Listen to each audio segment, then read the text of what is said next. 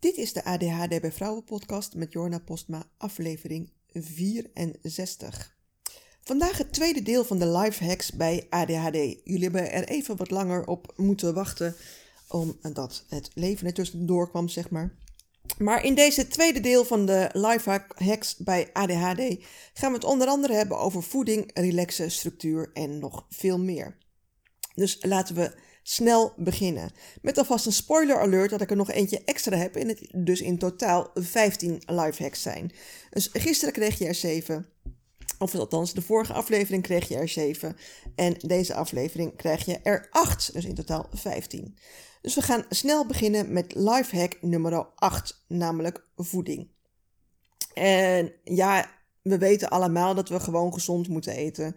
Ehm, maar juist bij ADHD gaan er allerlei verhalen de over wat je nou juist wel en wat je nou juist niet moet eten. Maar wat helpt nou echt? En eigenlijk is het heel erg simpel. Het is niet meer dan dat je gewoon gezond moet eten volgens de richtlijnen van het voedingscentrum. Niks meer en niks minder. Er is eindeloos onderzocht of verschillende diëten of voedingsmiddelen mijden helpt bij ADHD. En de uitkomst is keer op keer dat het helemaal niets uitmaakt. Van suiker wordt je ADHD niet erger, van glutenvrij eten en omega-3 slikken niet minder. Nu kan uh, omega-3 slikken wel uh, voordelen hebben als je nooit vis eet, maar dan hoef je het nog steeds niet elke dag, is één keer in de week ook meer dan genoeg. Je hoeft ook geen koolhydraten te vermijden. Uh, want ook de keto-diëten waarbij je geen koolhydraten eet, die zijn uh, best wel populair bij ADHD. Die worden best wel gepromoot. Her en der. Uh, maar koolhydraten vermijden hoeft dus echt niet. Sterker nog, je juist beter niet koolhydraten vermijden. Want koolhydraten zijn nummer één voedingsstof voor onze hersenen. Die hebben koolhydraten echt nodig om te kunnen functioneren. De keto-diëten die nu populair zijn, hebben vaak een tegenovergesteld effect dan ze beloven. En ja, we kunnen ook functioneren zonder koolhydraten, zodat je je vetten aanspreekt als energiebron. Uh, maar waarom zouden we? Voor heel veel van ons geldt namelijk dat het niet de beste energiebron is voor ons brein. Dus eet gewoon koolhydraten. En dan wel het liefst in zijn meest pure vorm. Dus volkoren granen, zilvervliesrijst, volkoren pasta. Uh, dus ook volkoren brood en geen wit brood. Natuurlijk mag je af en toe heus wel een wit broodje eten. Als je maar uh, over het algemeen veel volkoren producten eet. Ook fruit hoef je om deze reden echt niet te laten staan. Eet dat fruit dan ook wel gewoon in zijn oorspronkelijke vorm en niet in de vorm bijvoorbeeld van sapjes. Uh, want het is uh, uh, een sinaasappelsap bestaat namelijk voornamelijk drie sinaasappels, denk ik. Terwijl drie sinaasappels eten, dat kost veel meer moeite. Maar in ieder geval voor je ADHD hoef je ook de sapjes niet te laten staan. Dat maakt allemaal niet uit. Alleen kunnen de enorme spike, spikes in je bloedsuikerspiegel je vervelend doen voelen. Maar je ADHD gaat er, wordt er niet erger van of gaat er niet van weg. Um, ik zei net al, het is natuurlijk helemaal niet erg als je af en toe gewone pasta eet of een witte boterham. Soms is dat ook gewoon echt lekker. Daar krijg je niet opeens super ADHD van of zo. Dat, dat is het gewoon echt niet. Het gaat alleen om je bloedsuikerspiegel die dan niet zo spiked. En in de volkoren uh, granen zitten veel meer vezels die je meer nodig hebt voor je stoelgang. Daarover later meer. Want keer op keer blijkt uit onderzoek dat het gezondste dieet het plant-based Mediterranean diet is. Wat neerkomt op veel groente en fruit en dus ook gewoon tarweproducten. Aangevuld met een beetje vis, vlees of eieren. En spaarzaam met vet. Terwijl we uh, eigenlijk het nu andersom doen. Dat we beginnen met uh, uh, vis of vlees. Dan een beetje, en, en daar maar een beetje groente bij eten. We moeten dat dus eigenlijk omdraaien voor onze gezondheid. Voor de ADD maakt het ook weer helemaal niks uit. Dit is het beste dieet voor je algehele gezondheid. Voor je darmflora dus ook en dus ook voor je ADHD. Want onderzoekers hebben een link gelegd tussen een bepaalde darmflora en het hebben van ADHD. Nu weten we alleen nog niet of de darmflora de oorzaak is van de ADHD, of ADHD de oorzaak voor die bepaalde darmflora, of dat er nog andere factoren zijn die beide veroorzaakt kunnen hebben, en of andersom, of dat er andere factoren zijn die de ADHD veroorzaakt uh, uh, kan hebben, enzovoort, enzovoort, enzovoort. We weten het, we weten dat er een link is, er is correlatie, maar we weten nog niet de causaliteit. Hier moet nog veel meer onderzoek naar gedaan worden. We weten dus steeds meer dat een gezonde darmflora ook bijdraagt aan gezonde hersenen. En die gezonde darmflora krijg je dus door gewoon gezond te eten. Veel groente en fruit, die bevatten vezels die echt nodig zijn voor een goede darmflora. Niet te veel bewerkte voeding, en daar groeien nou weer juist de slechte bacteriën van. En om die reden ook uh, niet zoveel alcohol drinken. Uh, alcohol het beste vermijden. Nou drink ik af en toe ook wel eens een biertje of een wijntje en is best lekker. Maar elke dag moet je gewoon niet doen. Want alcohol uh, remt de groei van goede bacteriën en zorgt voor de groei van de slechte bacteriën. Dus je wil daar gewoon echt wel voorzichtig mee zijn. Um, je kunt de staat van je darmflora natuurlijk aan de buitenkant niet zien. Je kunt het wel een klein beetje afleiden uit je stoelgang. En ja, we gaan dus nu over poep praten. Als je elke dag poept zonder problemen dat het te hard of te zacht is, dan heb je gewoon een gezonde stoelgang en dus waarschijnlijk ook gewoon gezonde darmflora. Kost het moeite? Eet dan meer vezels, drink genoeg water en schrap niet al het vet uit je dieet. Want als je al het vet uit je dieet haalt, ik uh, uh, spreek nog wel eens mensen die dat dan ook hebben gedaan, dan um, wordt het poepen gewoon moeilijker. Dan wordt het keihard en doet, doet het zeer. Wil je meer weten over ADHD en gezonde voeding? Ik heb hier al een keer eerder een hele podcast over opgenomen over dit onderwerp. Zie de link in de show notes daarvoor. Oké, okay. lifehack nummer 9, de natuur. Um, ken jij de Hunter-Farmer hypothese? De Hunter-Farmer hypothese is een hypothese dat, die stelt dat mensen met ADHD meer lijken op de jagers-verzamelaars en de neurotypische mensen meer op de latere boeren.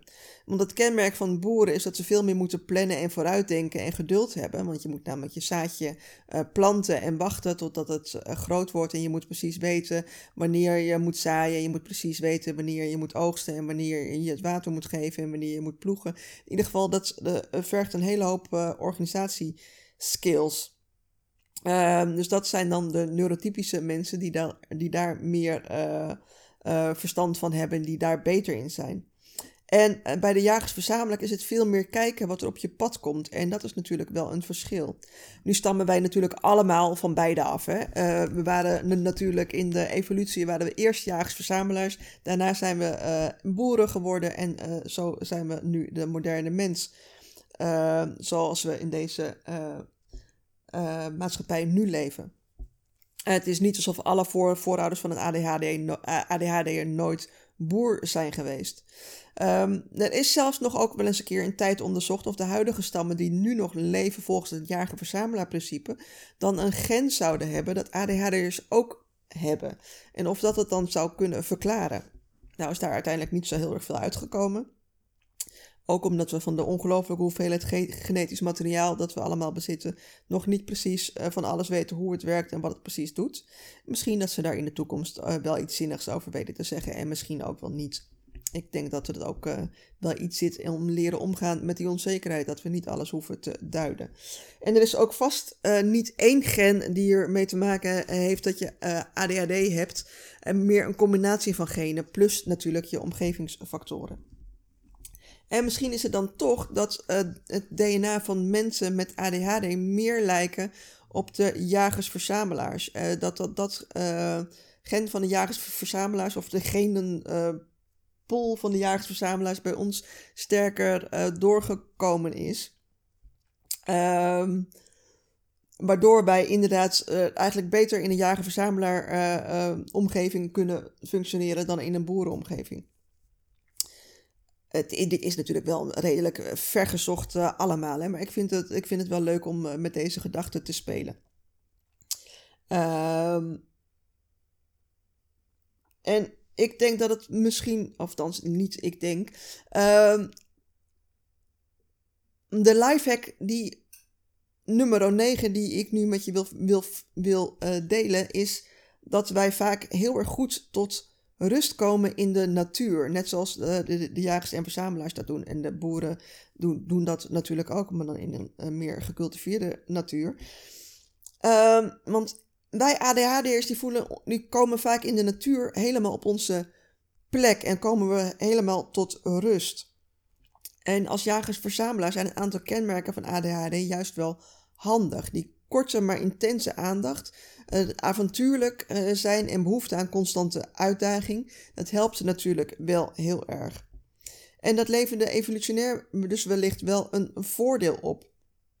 Uh, om dat te hebben. En feit is dat in de natuur ik in ieder geval een soort kalmte ervaar. Als ik door het bos heen wandel of ik woon aan het, vlak aan het, aan het IJsselmeer of langs het IJsselmeer wandel. Dan kom ik tot rust. Dan komt mijn hoofd ook tot rust. En een wandeling door de bossen of op het strand of waar dan ook levert dan, dan precies genoeg prikkels op om interessant te blijven. Terwijl je niet overspoeld wordt door de overdaad aan prikkels van een moderne woonomgeving. Ga dus ook meer en vaker de natuur in als je daar de gelegenheid toe hebt. Een park is ook al goed genoeg. Uh, wandelen is ook lichaamsbeweging, dus dat is altijd goed voor je. En uh, minder prikkels, laat dus je telefoon thuis of uit. Uh, minder prikkels is ook heerlijk voor ons overactieve brein, want dat is een goede manier om te ontprikkelen. En dat heb je weer nodig voor lifehack nummer 10, namelijk relax. Relaxen is natuurlijk een ongelofelijke inkopper dat dat goed voor je is. Maar relaxen is wel eentje. Pardon, even een slokje water en ik heb een kikker in mijn keel. en relaxen is wel eentje waarbij ADHD'ers erg moeite mee kunnen hebben. Omdat we het hoofd hebben wat niet stilgaat. Daar zit geen uitknopje op. Zelfs als we s'avonds lekker onderuit gezakt op de bank voor de tv zitten, zijn we niet relaxed. Die lichamelijke en of geestelijke onrust die blijft. Maar ontspannen is een manier voor ons lichaam om te herstellen. Ze moeten ontspannen. Dus brood nodig. Want zonder ontspanning pleeg je roofbouw op je lichaam. Maar hoe doe je dat dan, dat relaxen? Dat is voor iedereen verschillend. Uh, sporten helpt, dus lichaamsbeweging in elke vorm. Meditatie helpt, voldoende slaap helpt, natuur helpt. Uh, wat niet altijd helpt, gek genoeg, is dat avondje onderuit gezakt op de bank liggen seppen. Want op zo'n moment krijg je ongemerkt toch wel weer erg veel prikkels binnen die ook nog verwerkt moeten worden. Want hoeveel van ons zitten niet televisie te kijken of een film te kijken terwijl we ook onze telefoon er, erbij pakken. Um, en dat zijn al, allemaal weer prikkels die je uh, ook verwerkt moet hebben. Een boek lezen bijvoorbeeld, mits het uh, uh, je aandacht kan trekken een saai boek lezen, dat is schuur onmogelijk. Maar een interessant boek. En dan ook het liefst een fictieboek. Dat helpt wel, want een non-fictieboek kan je brein dan ook weer te veel aanzetten. Of een luisterboek of een podcast luisteren. Een uitgebreid bad of een lekkere douche kan ook helpen. Um, en zie tip nummer 2, die ik in de vorige aflevering zei. Leg je telefoon lekker buiten handbereik. Die wereld kan echt tot morgen wachten. En natuurlijk zeg ik niet dat je niet een avondje mag Netflixen. Dat vinden we allemaal lekker. Dat vind ik ook fijn. Maar als jij met opgetrokken schouders, uh, met, je, met je oren tussen je schouders op de bank hangt, dan is het misschien niet zo heel erg ontspannend. En kun je misschien beter iets anders gaan doen. Of tegelijkertijd met de tv kijken ontspanningsoefeningen doen. Uh, ik betrapte mezelf een paar jaar geleden op dat ik inderdaad als ik tv kijk op de bank, dat mijn schouders helemaal uh, omhoog getrokken zijn. En ik me maar afvragen waarom ik me zo uh, gespannen voel en altijd zoveel pijn in mijn nek en in mijn schouders had. Um, en let ook op, als je tv kijkt, kun je zo ook ontspanningsoefeningen doen met je kaken. Dat je die ontspant. Want ook dat is een valkuil, dat we de kaken gaan klemmen. Um, en voel uh, ergens anders in je lichaam waar je spanning vasthoudt. Uh, TV kijken is een, hele goede, uh, goed moment om bijvoorbeeld een bodyscan meditatie te doen. Dat je stapje voor stapje gewoon je hele lichaam, al je spieren afgaat. Om te kijken waar er, spanning zit en die kan loslaten. Um, en ik doe dat dus soms zelf ook. Dus opmerken waar in je lijf je spanning voelt en dat bewust loslaten. En in het begin is dat echt lastig. Het is echt, daar moet je echt wel even aan wennen. Maar het opmerken dat je ergens spanning hebt, dat is dan een hele goede eerste stap. En als je het vaker doet, wordt het wel eenvoudiger. En merk je ook dat je er beter in wordt. Waardoor ontspannen ook echt ontspannen wordt. Um, een lekkere warme douche of een bad kan ook super ontspannend werken. Vaak ook omdat je onder de douche niet nog meer prikkels kan toevoegen. Je zit namelijk niet op je telefoon, je praat niet met anderen, je kijkt, kijkt geen tv. Gewoon heerlijk rustig ontprikkelen. En de warmte van een warme douche is natuurlijk ook heel erg lekker. Maar nu met de energiecrisis mag dat, kan dat natuurlijk niet meer zo heel erg lang en uitgebreid. Tenminste, ik uh, let daar wel op. Ehm, en wat ook heel erg goed helpt, is om voordat je je ontspanmoment hebt ingepland, dat je dan een brain dump doet. En die brain dump is dan ook meteen lifehack nummer 11. Doe een brain dump, maar echt, zet een timer op 15 minuten bijvoorbeeld en schrijf alles wat er aan losse eindjes nog in je hoofd zit op. Van die tandartsafspraak die je nog moet maken, tot aan dat je de schuur nog wil opruimen. Van dat cadeau-idee wat je hebt voor kerst, tot de was die al twee dagen in de machine zit. Schrijf het op.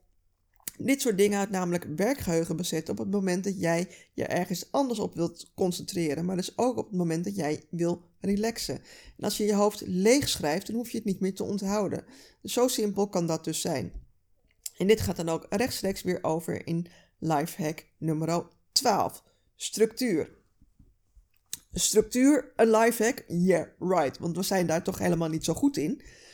Het is inderdaad waar dat uh, mensen met ADHD moeite hebben met structuur aanbrengen in hun leven. Althans, uh, de structuur verzinnen, dat lukt nog wel, maar je eraan houden niet. Uh, en meer dan neurotypische mensen eigenlijk. Meer moeite wil niet zeggen dat het onmogelijk is. Alles is mogelijk, ook het aanleren van structuur en routines. Het kost misschien meer tijd, maar het is wel mogelijk. Um, en een van de dingen die ik mezelf heb aangeleerd is het gebruiken van een bullet journal. Ik heb het bijna altijd bij me en ik noteer alles erin. Dus ook de brain dumps komen daarin. Voor uh, echte afspraken en zo gebruik ik Google Calendar op mijn telefoon en mijn computer met alarmbellen en e-mails om me eraan helpen uh, herinneren. Omdat ik anders gewoon die tandartsafspraak echt vergeet. Maar om uh, te braindumpen en een overzicht van je to-do-lijsten uh, en de dingen die je nog wil doen in de toekomst en de dingen die je nog moet doen en de dingen die je nog uh, dat anderen willen, gedaan willen hebben, is een bullet journal echt heel erg handig.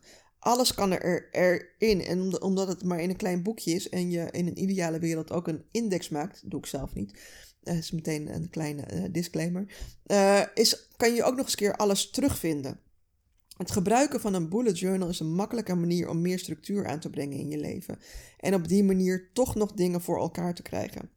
Wil je meer weten hoe je een bullet journal bij ADHD het beste kunt gebruiken? Ik maakte een cursus over bullet journaling bij ADHD. Zie de links in de show notes voor meer informatie. Nu nog voor een leuke prijs. Binnenkort krijgt de cursus een update en uh, daarna ook een hogere prijs, omdat er meer informatie in zit. Maar als je je nu inschrijft, krijg je niet alleen de lagere prijs, dus, maar straks ook toegang tot de vernieuwde cursus. Dus dat is een hele mooie incentive om uh, nu mee te doen. Uh, volgende lifehack, 13. samen zijn. Wij mensen zijn kuddedieren.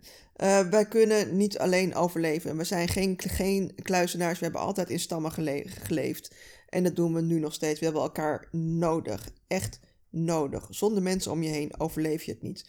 Maar onze maatschappij nu is echter vooral heel erg individualistisch. Het is voor een stotteraar echt een godsonmogelijk woord. Je moet het namelijk in deze maatschappij die we nu hebben allemaal zelf doen, zelf kunnen. Om hulp vragen vinden we daarom allemaal moeilijk, want dat uh, is een teken van zwakte, vind, vinden we. Terwijl hulp vragen en aanvaarden en hulp geven aan anderen nou juist is wat ons mens maakt. Dat we elkaar kunnen helpen en dat we om hulp kunnen vragen. We hoeven het allemaal niet alleen te kunnen. We kunnen het ook allemaal niet alleen. En het hoeft dus ook helemaal niet. Als we meer vragen om hulp en meer hulp bieden, meer de verbinding zoeken met de mensen om ons heen, met de maatschappij om ons heen, dan wordt het voor ons allemaal makkelijker. Dan delen wij namelijk onze sterke punten met de wereld en worden wij op onze beurt geholpen met onze zwakke punten. En zo zit het leven natuurlijk ook echt in elkaar. Dat iedereen zijn eigen dingen heeft waar die goed in is en dingen waar die minder goed in is. En in plaats van allemaal uh, eenheidsworsten te creëren, wat uh, uh, op school wel heel erg gestimuleerd wordt, vind ik dat we toe moeten naar een wereld waarin we elkaars talenten, waarin je je eigen talenten kunt ontplooien, die dan ook nog andere mensen kunnen helpen. Um, en mijn motto, het grootste verschil maak je zelf, betekent niet dat je het grootste verschil alleen maakt. Het grootste verschil maak je namelijk als je jezelf uh, met andere mensen verbindt. Een betere wereld begint bij jezelf, zeg maar, om maar eens een jaren tachtig uh, reclameslogan te gebruiken. En het is echt waar. Terwijl het gros van de mensen om ons heen aan het wachten is totdat de wereld verandert voordat ze hun mond opentrekken om aan te geven waar ze goed in zijn en waar ze hulp bij kunnen gebruiken, kun je ook een van de mensen zijn die het goede voorbeeld geeft. Door er bijvoorbeeld open en eerlijk over te zijn en je kwetsbaarheid te laten zien.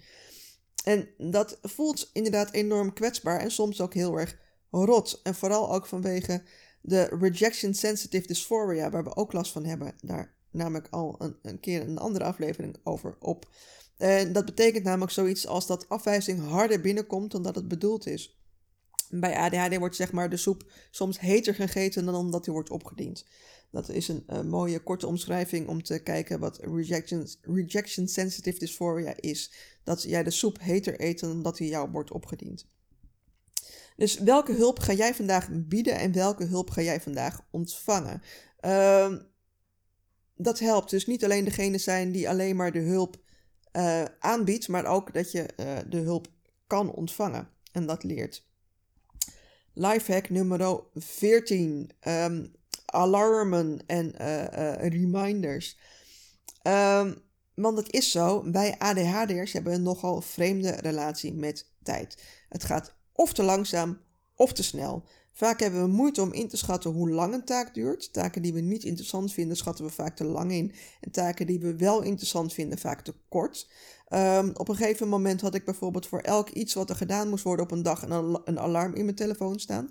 Met de goede naam erbij. Uh, dus elke alarm had ook een naam waarvoor het was. Anders wist ik het nog niet. Uh, want het kind naar school, kind van school, was in de wasmachine, was uit de wasmachine. Anders bleef het rustig drie dagen zitten en kun je weer opnieuw uh, beginnen als die vieze geur er überhaupt nog een keer uitgaat.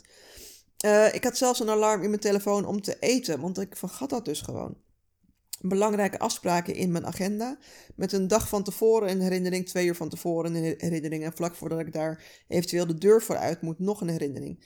Nu mijn leven sowieso meer structuur heeft, die ik dus zelf gestructureerd heb, heb ik niet alle alarmen meer nodig. Denken dat ik helemaal zonder kan, dat is ook niet. Het heeft me nog wel eens in de problemen gebracht. Maar nu accepteer ik het wel gewoon dat ik het nodig heb. Want het is ook wel lekker dat je je geheugen gewoon outsourced.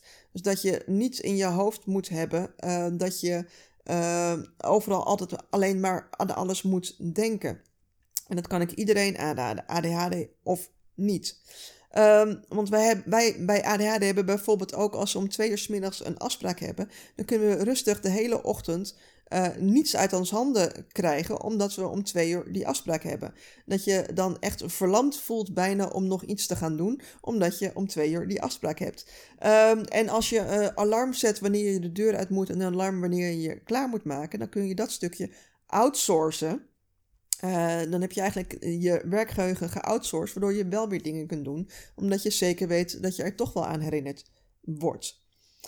Um, en dat is heel fijn. Tegenwoordig kom ik bijna altijd overal te vroeg in plaats van te laat zoals vroeger. Dat scheelt ook wel heel erg.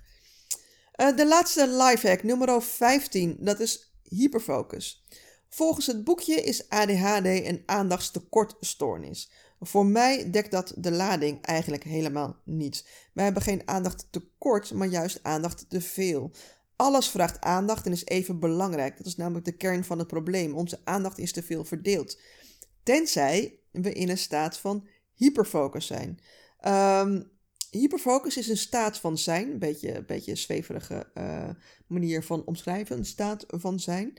Uh, waarin het klopt, alles is in flow. Flow vind ik eigenlijk ook wel een goede uh, omschrijving voor hyperfocus. Uh, neurotypische mensen herkennen dit meestal niet of in mindere mate. ADHD'ers wel. Als je iets echt interesseert, iets, als je iets echt interesseert, als je iets je aandacht grijpt, dan kan de wereld om je heen vergaan. Jij blijft, jij blijft gefocust op je doel. En dat kan echt voor uren achter elkaar. En dat is een heel fijn gevoel als je zo gefocust aan het werk kan zijn. Maar het kan ook slopend zijn. Want vaak kun je jezelf niet uit de hyperfocus halen. En vergeet je te eten en te drinken, naar de wc te gaan. Je vergeet eigenlijk alles om je heen.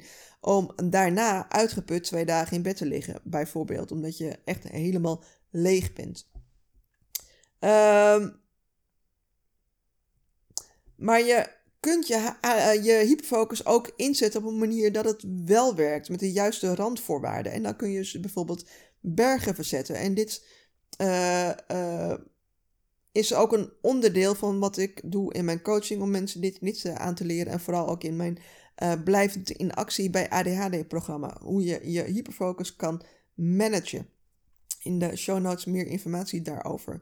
Um, een tip kan bijvoorbeeld zijn, net als de vorige, omdat je alarmen zet, zodat je in die hyperfocus mag, maar dat je er dan ook een tijd hebt dat je eruit mag. En dat je dan ook een tijd aangeeft waarin je, uh, wat ik dan decompressietijd noem, dus dat je niet van de ene, van de hyperfocus meteen naar een andere taak moet. Want als je uit hyperfocus komt, dan heb ik altijd het gevoel alsof ik uh, uh, in een aquarium heb gezeten, dan opeens weer boven water kom. Dan is de hele wereld een beetje gek. Maar als ik dan meteen door moet met iets anders, dan dan, gaat dat niet zo heel erg goed. Dus daar heb ik een wat decompressietijd voor nodig. En dat kun je natuurlijk ook met alarmen zetten op je telefoon. Kun je dat uh, uh, regelen op die manier. Maar goed, dit zijn uh, eh, 15 van mijn lifehacks, de vorige aflevering en deze. In totaal 15 van mijn lifehacks om leven met ADHD wat minder te doen lijken op een rit in een achtbaan. Het zijn tips, tricks en tools. En misschien heb jij ook nog goede tips. En laat dan een reactie uh, achter uh, in mijn, uh, op mijn Insta-DM of laat een reactie achter onder de post op mijn website waar deze aflevering staat. Dan kunnen we er namelijk allemaal nog van leren. Um, bedankt voor het luisteren en tot de volgende keer.